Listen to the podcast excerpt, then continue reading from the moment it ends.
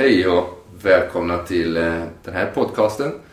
Martin Fransson heter jag som grön Wellage och jag sitter här tillsammans med Pauli Marsén som eh, jobbar ofta på Wellage och har underbara helgkurser och annat. Vi skulle prata idag om anknytningstrauma som du snart har en helg hos oss kring.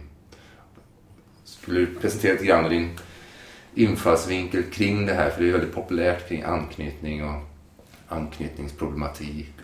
Ja, så anknytning, det vill säga tidiga trauman som den första tiden, till och med in i livmodern, födseln eller där de första åren påverkar ju nervsystemet väldigt mycket. Och det som många inte har klart för sig det är att vi alla mer eller mindre lider av någon slags anknytningsproblematik. Det är bara en graderingsfråga kan man säga. Ja. Och varför det är svårt att se det här det är för att de här eh, eller överlevnadsstrategierna som kom till då för att man ska kunna fungera och så att säga ha ett liv och överleva. Det är så inbäddat i vår självuppfattning att vi tror att vi är på det här sättet istället för att se att det var så här vi blev av, Mm. av någon god anledning. Och därför är anknytningstrauma någonting som är lite svårt att arbeta med för att det krävs en viss självinsikt eller eh, ett seende. Man behöver, behöver kunna bygga upp och säga oj, det här är en traumarespons från min tidiga anknytning som kommer upp nu i den här relationen som jag har eller på arbetet eller i min hälsa. Mm. Inte bara psykologiskt utan också rent fysiskt. För det forskning som har kommit mycket på de senaste åren visar att de här tidiga stressen i nervsystemet som anknytningstrauma skapar lägger en grund för obalanser i våran kropp som visar sig årtionden senare. Så här kan dyka upp i 30, 40, 50 års åldern. Mm. När vår eh, förmåga av åldern och livsstil börjar gå ner så visar sig de här stressuttrycken i, i kroppen. Så det finns mycket vunnet kring att jobba med anknytningstrauma. Mycket Ja. resurser man kan få tillbaka av förmåga. Och det är det vi ska utforska mer nu de här nästa dryga halvtimmen. Att prata om det och vad det kan, så att säga, vad är lite kännetecken på det såväl som vad skulle liksom utdelningen bli när man väl börjar hämta hem de här resurserna och förlösa de här sakerna i sig själv. Så det är det, om du hänger med nästa halvtimme, du kommer få lite mer eh, kött på benen kring. För givetvis kommer det inte vara fulltäckande men att vi kan utforska det här så man kan gå härifrån efter den här podcasten och känna ja, det där vill jag veta mer om och här har jag liksom några konkreta verktyg för att börja utforska på det. Och den första frågan som kommer upp för mig så det är ju eftersom vi båda har den här utgångspunkten från nervsystemet hela tiden då. Eh, för det finns ju många psykologiska modeller så att säga det här med eh, psykosyntes med delpersonligheter och man har split i sitt psyke och sådana bitar. Och hur det relaterar in kring anknytningstrauma, så alltså vilken typ av personlighet typ genererar det. Om jag blir så här, mer utav en överlevare och en kämpe och alla de här karaktärsdragen, arketyper som vi pratar från Jungs tid kontra eh, den andra aspekten utav det när det är mer en offerroll och kollapsade och hur, hur, den här, hur det spelar ut sig i vår personlighet och hur vi kan liksom börja kanske på ett lekfullt sätt plocka upp vad är det som försiggår i mig så att säga och hur är mitt system organiserat. Ja. Så de här olika överlevnadsstrategierna eller sätten att hantera den här stressen, de mer i de tidigare faserna så går det mer i nervsystemet mot kollaps, det vill säga att man känner att man har ingen energi, livet inte känns så lättillgängligt, man har inte så mycket tillgängliga eh, tillgänglighet till sina känslor, till sin kropp eller förmåga till relationer eller till sin livsenergi. Det vill säga nervsystemet har uppfattat att hotet så att säga är så stort att det bästa man kan göra är att gå in i chock och släcka ner. Mm. Och det är det då som sen påverkar organsystem som vi pratade om alldeles nyss. Att allt som tiden går så eh, den här dämpningen som blir chocktillståndet av organtillstånden börjar ge sig känna. Men det kan även vara, eh, visa sig väldigt tydligt i obalanser i, i eh, kroppen i form av problem med andning eller matsmältning, hud och sådant. Den här underliggande stressen så att säga kommer upp till ytan och visar Mm. sig på olika sätt. Men det, ju tidigare någonting händer i det här systemet, ju mindre kapacitet har man att reglera det här. Så man är beroende av eh, vårdnadsgivaren, det vill säga mamman i första hand, och för sin egen självreglering. Så man kan inte reglera sig själv.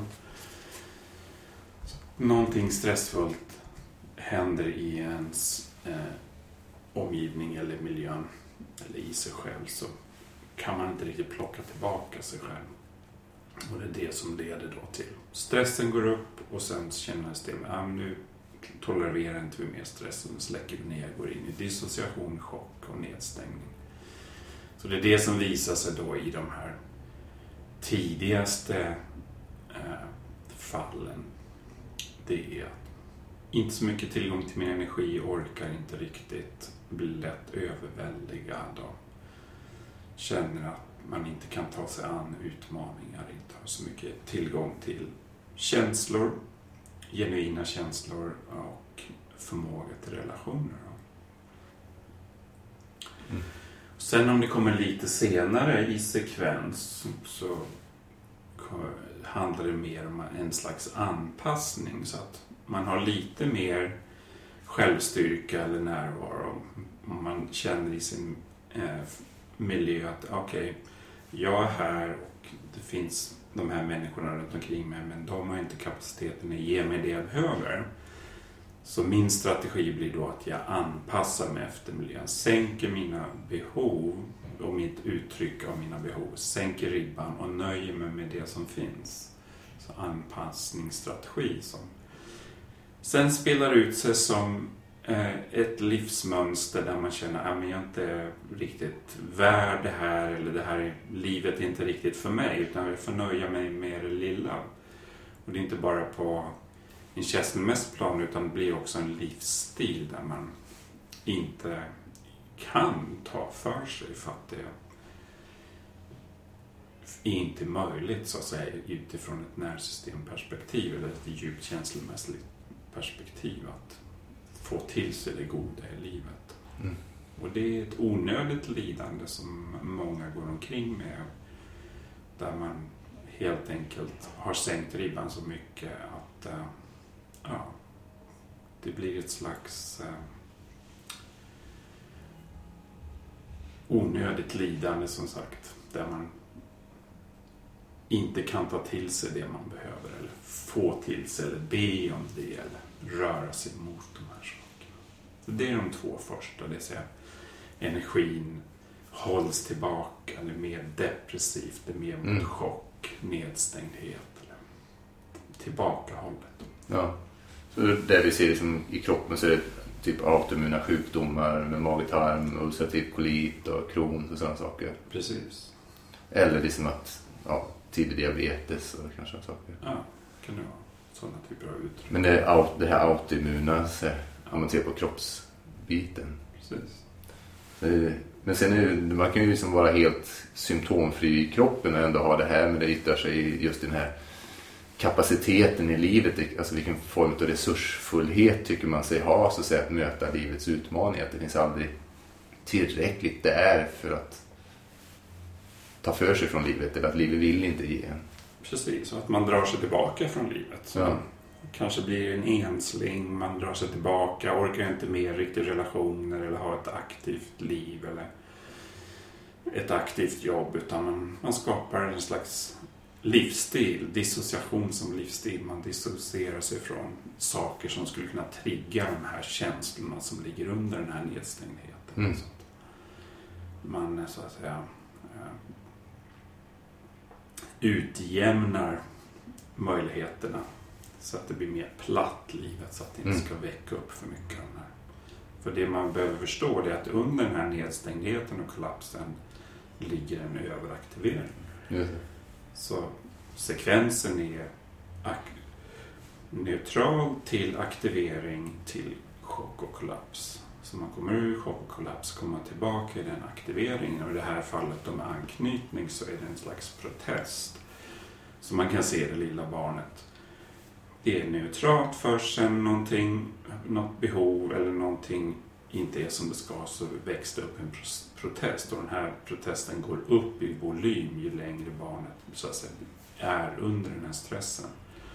Om vårdnadshavaren inte dyker upp Förr eller senare så släcks protesten ner och det gör den av nervsystemet. Nu är ingen idé att protestera längre och vara aktiverad och, och skrika och gapa och, och fäkta med armar och ben. Utan nu släcker vi ner allting, sparar på resurserna, känner nervsystemet och går in i chock och kollaps. Mm. Och det här som man kan se då som allvarliga symptom, sådana här barn som har blivit helt negligerade till exempel på sådana här barnhem och sånt som underbemannade i krisområden där barnen går in i en djup eh, nedstängdhet, chock och kollaps. När de väl kommer ur det finns det massor med aktivering där att ta hand om. Mm. Och det är det här som vi behöver förstå i oss själva, att det finns en anledning, det finns en god anledning då att släcka ner systemet för att spara på resurser. Men att det nu begränsar våra förmågor att kunna ha ett värdigt liv. Mm, precis. Och hedra det nervsystemet där och då gör det bästa det kan med de inneboende resurser som det har där och då och hur det tolkar sin livsomständighet där och då. Precis. Så det ligger en sån livspotential där. En liksom, kolbiten kan verkligen bli en diamant.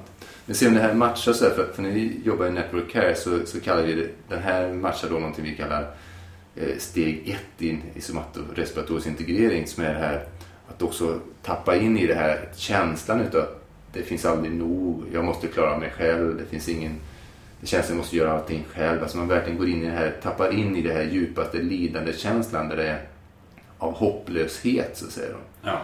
Så att den inne konversationen handlar enkom om det att det känns som jag måste göra allting själv. Det känns som jag mm. aldrig finns någon som vill hjälpa mig. Alltså det här in dialogen och karaktären i hela kroppen och kroppsspråket. Och nu kan säga lite mer, alltså hur känner man igen sig själv ytterligare i... Ja, så det är just den här kollapsen och det visar sig i kroppshållningen att man, man är lite kollaps. Man kan inte riktigt få in luften så att säga. Man kan inte Nej. få in näringen. Som, och eh, det är också en, den här inre dialogen som du, du pratar om, att man känner sig inte värdig att ta emot på ett djupt mm. undermedvetet plan. Det här är ingenting som man tänker på i sin vardag, utan det är ett beteende som man har som är grundat i den här överlevnadsstrategin, som då var helt funktionell, men som nu håller den tillbaka, som gör att man inte gör livsbejakande val, man rör sig inte mot möjligheter därför att det är inte möjligt ifrån den platsen i nervsystemet. Det är inte meningen att man ska röra sig när man är i chock. Chock är ett tillstånd där man ska ligga stilla och vänta på att det går över i naturen. Så att det är inte meningen att det ska vara massa impulser och rörelser. Mm. Så den inre känslan blir en känsla av maktlöshet, hopplöshet, kanske övergivenhet att man är lite isolerad ifrån livet i det stora. Man, det är grann som att man tittar in ute i kylan, tittar in mot dem som har det gott och varmt och härligt där inne. Som har mat och värme och kärlek. Ja, precis. Man är i avsaknad, i brist, precis. bristmedvetenhet. Och vi, vi tittar på det, liksom där, det är liksom här att man har verkligen svansen mellan benen och liksom kroppen är ihopkurrad, den är på utandning. Liksom det är hopp, det här. Mm svansen är indragen, men huns, en hunsad lågstatusposition ja. så att säga. Och om det matchar det att just det, den tillståndet så när vi spelar döda så att säga, då är vi också som mest omedvetna om vad vi själva är så att säga. Precis. Så. Ju mer dissociation, det vill säga mer chock, ju mer den här överlevnadsstrategin är på plats, ju mindre självinsikt har man och ju mindre möjlighet har man då att bli medveten med det här och börja ta sig ur det. Så också ett väldigt utmanande tillstånd att vara i för att det, man är inte helt enkelt ofta inte medveten om att man behöver hjälp. Mm. Ja, det är jättespännande. Om vi nu går vidare till nästa bit, för du har ju jobbat med det här i decennier och tagit otroligt mycket träning just de Mm. senaste åren kring specifikt en, ett förfaringssätt att jobba med anknytningstrauma Ja. via då Larry Helder. Mm. Du skulle berätta lite grann kort kring det när vi sen samtidigt glider in på den andra strategin så att säga som kan finnas där då Ja. i aktivering. Så det finns många olika teorier om det här, men det finns inte så många olika modaliteter, det vill säga sätt att jobba med det här på. Just med specifikt med anknytningar och då finns det vissa personer som har börjat utforska det här lite just i eh, att arbeta med det utifrån nervsystemet och se vad var det nervsystemet uppfattade situationen som, hur värderade nervsystemet här och vilken strategi tog nervsystemet till för att eh, så att säga överleva eller eh, bibehålla funktion. Och vad är det då som behövs för att kunna komma ur de här responserna? Som vi pratade om förut, att det här är någon som man har blivit, det vill säga det här är en strategi som man sen kan arbeta sig ur. Men eftersom det händer så tidigt så tror man att man är på det här sättet istället för att säga att det här är nervsystemresponser eller tidiga överlevnadsstrategier. Så sättet att arbeta med det på det är att gå väldigt varsamt fram. I och med att laddningen under den här dissociationen och chocken är så pass stor så kan man inte bara klampa in där, då blir det ännu mer dissociation. Så man får tänka lite grann som att man har den här lilla skrämda babyn inom sig som ligger där och är helt överväldigad och i de här svåra känslorna utan självinsikter. Så hur skulle man ta hand om en baby som var här utanför sig själv Mm. som hade sådana eh, känslor. Man skulle inte gå in och skrämma upp den mer. Eller försöka prata resonligt med den som Ja. en del terapi. Att man ska ja, så att säga, kognitivt prata om de här sakerna. Utan man behöver ju ta hand om den här lilla varelsen i sig själv. Det vill säga att sitt eget nervsystem som då är fixerat eller regregerat kvar på den här punkten på tidsaxeln utifrån där man är själv nu i sin, i sin vuxna personlighet eller de resurser man har byggt upp. Och det blir utmaningen att kunna röra sig mot den här punkten på tidsaxeln utan att regregera och bli den här Mm. lilla skrämda varelsen eller dissocierade lilla barnet i sig själv utan kunna bibehålla sin närvaro här och nu och samtidigt kunna känna de här responserna, överlevnadsstrategin och djupa känslan och kunna börja omfamna dem. Så det finns en läkning i det men det är just den här varsamheten och medvetenheten som bibehållen medvetenhet, att man inte regregerar Mm. eller dissocierar ytterligare. Så många tidigare modaliteter eller terapier gick, gick ut på att antingen övervälja systemet det. eller att inte vara i kontakt med känslor eller framförallt nervsystemet. Och då får man inte den här integreringen och omförhandlingen. Eller Just ha den här, det här att bygga resurserna i nervsystemet för att ha den kapaciteten att Mm. kunna vara härbärgera i närvaro som den, i den vuxna delen av sig själv då det här Ja, sårade barnet så att säga. precis. Och det är därför de här överlevnadsstrategierna har bibehållits. Det är att man inte har haft eller fått hjälp till att bygga sina resurser och förståelsen av behovet av att omförhandla det här genom att kunna härbärgera och, och omförhandla. Mm. Inte bara känslorna utan också beteendena. Som man vet från olika typer av beroendeprogram. Så att det är att man ger upp det kompulsiva beteendet så kommer upp känslor. Ja. Och det är de känslorna som man behöver hitta något sätt att kunna vara med. Och då behöver man mer resurser i sitt system. Så sådana grupper är till exempel en sån resurs, eller en terapeut, eller olika saker som man gör för sig själv för att bygga upp sin egen eh, jag-styrka eller egoidentitet. Mm. Så att man kan vara kvar i sitt vuxna perspektiv samtidigt som man kan låta de här sakerna komma upp. Mm. Men så att säga, det finns ju saker som man kan göra för sig själv och så finns det också saker man kan göra som terapeut. Men just den här, i min erfarenhet då, just att ha varit med på de olika helger och Mm. veckor när vi jobbat tillsammans. Utifrån det här perspektivet, just det här att vilken styrka det blir när man är en, en grupp som tillsammans stödjer varandra i, på den här processen. Att det, det går inte ens att jämföra när man jobbar terapeutiskt på, ett, ett plan eller när man jobbar själv. Alltså just den här behållaren att man har terapeuten, handledaren som dig själv och flera andra. Att det ger så mycket mer stöd med desto fler upp till en viss gräns individer som är på plats. Ja. Eh, Och det är det som jag tycker är så... Och det är där så mycket av läkningen ligger just med de här sakerna är att traumat uppstod i brist Mm, av resonans med ett reglerat nervsystem. Så man då jobbar i en grupp där andra har en, en eh, samma ambition och samma inriktning att reglera sitt eget system och kunna komma ur de här responserna och komma tillbaka till livet. Så blir ju det en enorm resurs för det egna nervsystemet i den här läkningsprocessen. Att det finns någon som är där. Jag är inte helt eh, i ett hopplöst eller ett maktlöst tillstånd. Det finns Mm. någon att eh, så att säga pinga på eller ut det intressant som en, en radarsignal som kommer utifrån nervsystemet hela tiden och lyssnar på omgivningen. Är det här en trygg eh, situation?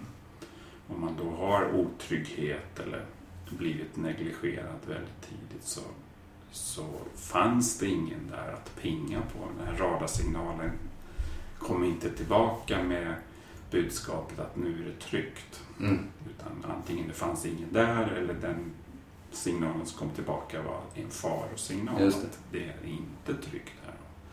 Så det är de tidiga signalerna som vi så att säga, behöver omförhandla. mm. Om vi skulle slutklämma det, vi kommer tillbaka till den här andra varianten på det här med, med överlevnad. Alltså det här där, Mm. den strategin som jag själv eh, känner igen mig så mycket i då. Det här när man bygger upp en väldigt stark överlevare i sig själv så säger man är inte kanske lika mycket man har liksom en sköld från att känna in de här underliggande sakerna. Man ser liksom inte att det finns inget behov, allting är bra, Ja, jag klarar mig själv. Man kan bygga väldigt starkt och funktionellt, synbarligen funktionellt precis. liv utifrån att man har överkompenserat Ja. Och blivit sin egen förälder så att säga. Då. Precis. Så för att kunna hantera de här sakerna så kommer det till olika överlevnadsstrategier där man ser till att man kan vara otroligt framgångsrik i, ute i samhället eller i världen och fortfarande ha de här sakerna underliggande. Det att man kör över sitt eget nervsystem och ser till att få fart, saker och ting att fungera och kan se ut som man har väldigt mycket energi fast man egentligen så att säga är kollapsad Mm. under det. Så det är det som är lite paradoxalt med det här. Är att man kan vara synbart funktionell men ändå ha den här problematiken. Mm. Och sen finns det vidare överlevnadsstrategier också som har mer med energi att göra. Som inte, de här två första som jag pratar om handlar mer om kollaps. Och sen finns det andra som handlar mer om där energin så att säga hålls tillbaka. Till exempel genom muskelpansar eller att man Mm. så att säga håller andan på utandningen med att man inte får in utan man är så laddad helt Mm. enkelt. Och det överlevnadsstrategier som har dels med, med tillit att göra. Att man, det, ja, det fanns ingen att lita på när, när man Mm. var liten så nu känner man brist på tillit till alla och allt. Och kan vara väldigt förargad över det här och få hålla tillbaka den här Mm. förargelsen. Eller andra sidan av myntet, ja, man höjer upp personer och ger för mycket tillit till Mm. situationer eller personer där man egent, utifrån så att säga, lite mer barnsligt perspektiv inte kan se helheten. Just. Så det är mer en laddning man går omkring med. Antingen förargad eller på saker och ting eller andra människor eller idealiserar Mm. Och sen också det här med autonomitet. Att man har varit tvungen att anpassa sig och eh, varit duktig eller varit eh, klassens clown eller varit eh, rebell. Man har varit tvungen att vara på något speciellt sätt för att få uppmärksamheten. Och, Mm. framgång i skolan, med sport eller med annat. Eller Just det. att behöva spela upp olika beteenden för att så att säga få uppmärksamhet eller eh, det man behövde. Så att man, he, man har aldrig fått vara sig själv. Det är också någonting som är väldigt svårt att trassla sig ur för det har ju också blivit en väldigt stark identifikation. Mm. Att man måste vara duktig eller man måste vara misslyckad för att Mm. eller eh, göra sig till för att få det man behöver. Det blir väldigt svårt att ha relationer. Eller, Det blir allt. Precis. Man ska alltid vara herren på täppa. ja. Hög status. Mm. Så det är ju väl två dynamiker. Ena är liksom här man går in då i krigaren eller Mm.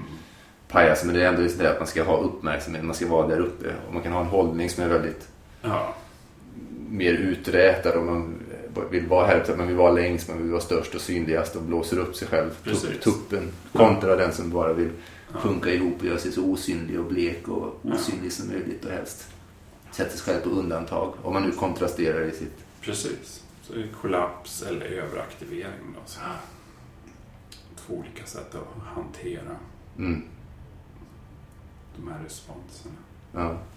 ja, jättestort tack och jag eh, kan ju bara varmt rekommendera för er som lyssnar på det här och inte har träffat Pauli Marcén tidigare att titta in på wellers.se och på de eh, kvällspass och, och helger som kommer upp här nu i november och december.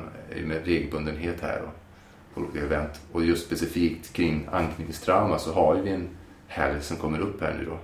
Ja, helgen innan jul. Ja, Och där kommer vi arbeta med de här olika överlevnadsstrategierna och göra olika övningar där vi varsamt närmar oss närsystemet och börjar ta hand om de här responserna, skapa lite medve- medvetenhet kring dem och så måningom förmågan att kunna trassla oss ur de här och få ett mer värdigt liv där vi kan göra mer livsbejakande val. mm, det låter härligt. Vad kan vara en bättre julklapp till sig själv? Ja, Tack så mycket. tack! Och på, vi kommer ta fler sådana här så på återanknytning. Mm.